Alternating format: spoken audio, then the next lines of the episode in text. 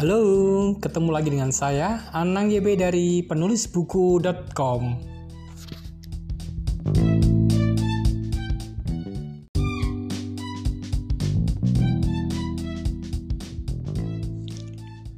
Uh, sekarang saya mau memperkenalkan satu buku baru, masih Grace, masih fresh from oven dari Alex Media.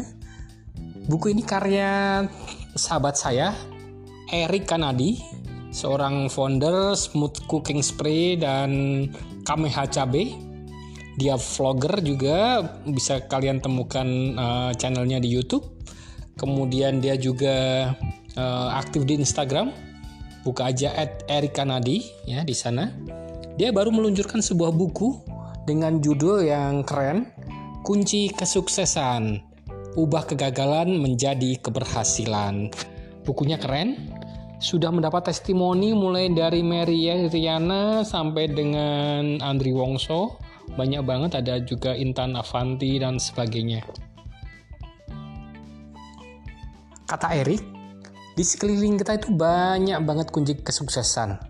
Jumlahnya tidak terhingga dan satu kunci kesuksesan dapat membuat Anda menjadi orang yang sangat sukses satu kunci kesuksesan dapat juga mengantar Anda menjadi orang yang amat berhasil. Gitu. Nah, setiap kunci kesuksesan itu mempunyai bentuk dan lekuk yang berbeda. Sama seperti halnya kunci pintu rumah misalnya. Kunci rumah Anda pasti berbeda dengan kunci rumah orang lainnya. Demikian pula dengan kunci kesuksesan yang satu akan berbeda juga dengan kunci kesuksesan orang yang berbeda juga. Nah, Eric me merumuskan ada tujuh kunci kesuksesan di dalam buku ini. Bukunya lumayan tebel, uh, ada sekitar 220-an halaman gitu ya. Nah, saya akan coba memperkenalkan satu kunci kesuksesan dan semoga itu juga menjadi kunci kesuksesan Anda. Kunci kesuksesan pertama yang dirumuskan oleh Eric Kanadi adalah self image atau gambar diri. Hmm, gambar diri ya. Jadi kata Erik begini, e, gambar diri yang sehat itu adalah kunci kesuksesan yang pertama. Berhentilah melihat diri Anda sebagai orang gagal dan mulailah melihat diri Anda sebagai orang yang sukses. Erik Kanadi mengutip satu quote yang sangat terkenal yang diucapkan oleh Raja Salomo. Raja ini bilang begini, apa yang dipikirkan seseorang dalam hatinya tentang dirinya sendiri, begitulah dia. Artinya bahwa salah satu penyebab kegagalan yang sering dialami seseorang uh, pekerja keras adalah gambar diri yang terluka. Walaupun seseorang suka bekerja dan sangat ingin sukses, jika dia tidak melihat dirinya sebagai orang sukses, maka pekerjanya akan sering berujung pada kegagalan. Eric mencontohkan, ada tipe orang yang tidak perlu mati-matian untuk bisa memperoleh sukses. Walaupun dia bukan lulusan S2 dengan IQ super tinggi, apa pun pekerjaan yang dikerjakannya, bisnis yang dia buka, dan rencana yang dirancang selalu berhasil sesuai harapan. Punya teman yang kayak gitu? Atau Anda sendiri seperti itu? Namun di tempat yang berbeda, anda mungkin juga bisa melihat ada orang yang sudah mati-matian bekerja keras, memiliki jenjang pendidikan yang tinggi, bahkan mungkin sampai S2, tetapi pekerjaannya selalu gagal. Kenapa bisa kayak gitu? Masih menurut Erik, kepintaran dan kerja keras saja tidak cukup. Kita umpamakan gambar diri negatif seperti rantai sepanjang 5 meter yang mengikat Anda pada tiang besi. Tidak peduli sekuat apa pun berusaha, Anda hanya bisa lari sejauh 5 meter dari tiang itu. Sekalipun dengan IQ yang sangat tinggi, modal yang sangat besar, Anda tidak akan bisa pergi dan berlari lebih dari 5 meter dari tiang besi. Hanya setelah lepas dari rantai itu, Anda bisa lari sejauh yang Anda inginkan. Itulah gambar diri. Kalau gambar diri Anda sehat, maka itu adalah langkah awal menuju kesuksesan. Jadi, bagaimana Anda memandang diri Anda sendiri? Apakah Anda saat ini memandang diri Anda sebagai orang sukses, ataukah sebagai orang yang gagal? Apakah Anda sudah melihat diri Anda sebagai ciptaan Tuhan yang dilahirkan untuk berhasil?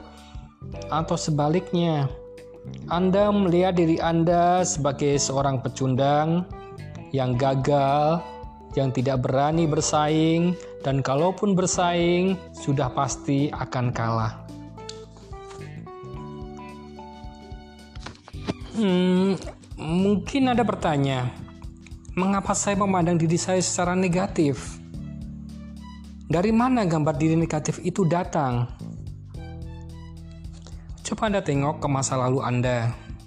Apakah Anda pernah diperlakukan buruk oleh kedua orang tua Anda?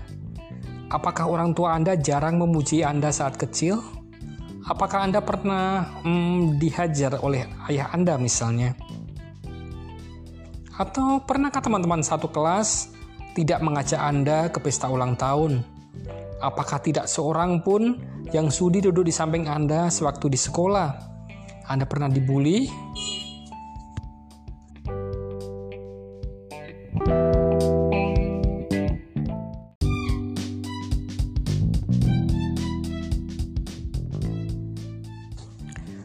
Erika Nadi menulis, e, munculnya citra diri yang negatif tidak terjadi tiba-tiba atau terbentuk begitu saja Gambar diri telah diproses dan dibentuk pada diri seseorang sejak lahir hingga berusia lima tahun.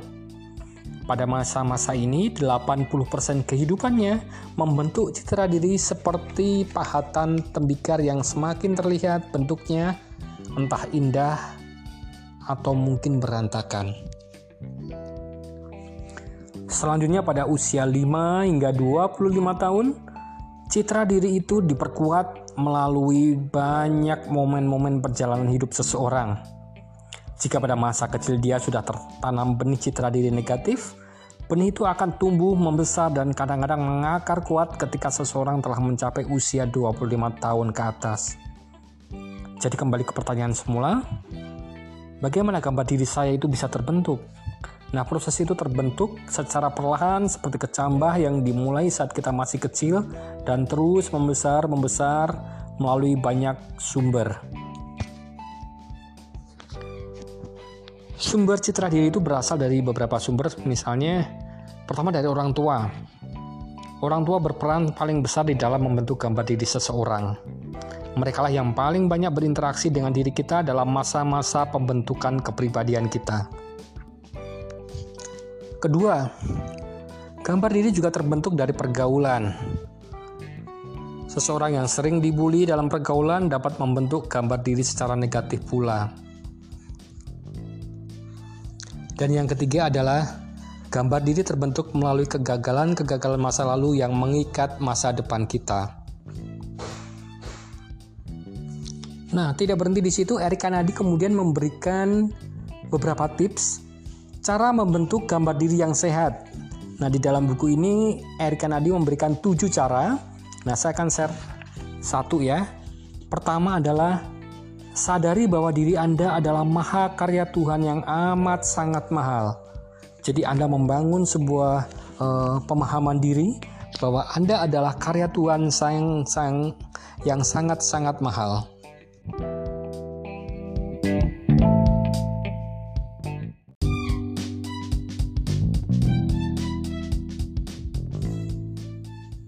Nah, itu beberapa tips yang diberikan oleh Erika Nadim. Tentu saja masih banyak banget tips yang dia berikan. Bahasanya sangat praktis, bersahabat, uh, populer kata-katanya sehingga Anda seperti ngobrol dengan teman Anda sendiri ya. Kebetulan Erika Nadim ini juga masih muda, uh, seorang pembicara publik, seminar dan seorang vlogger. Jadi saran saya adalah baca buku kunci kesuksesan Erika Nadi ini dan saya yakin Anda bisa mengubah kegagalan Anda menjadi sebuah keberhasilan dalam waktu cepat. Selamat membaca buku kunci kesuksesan dari Erika Nadi. Sampai jumpa.